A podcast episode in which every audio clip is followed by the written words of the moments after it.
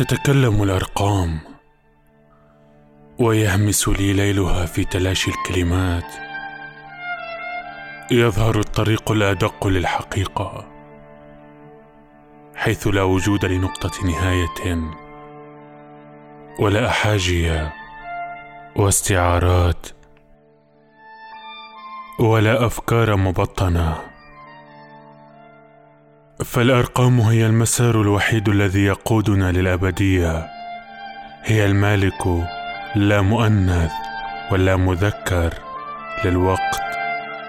هي مسافر في الفضاء يمشي بسرعة صفة لغوية ميتة.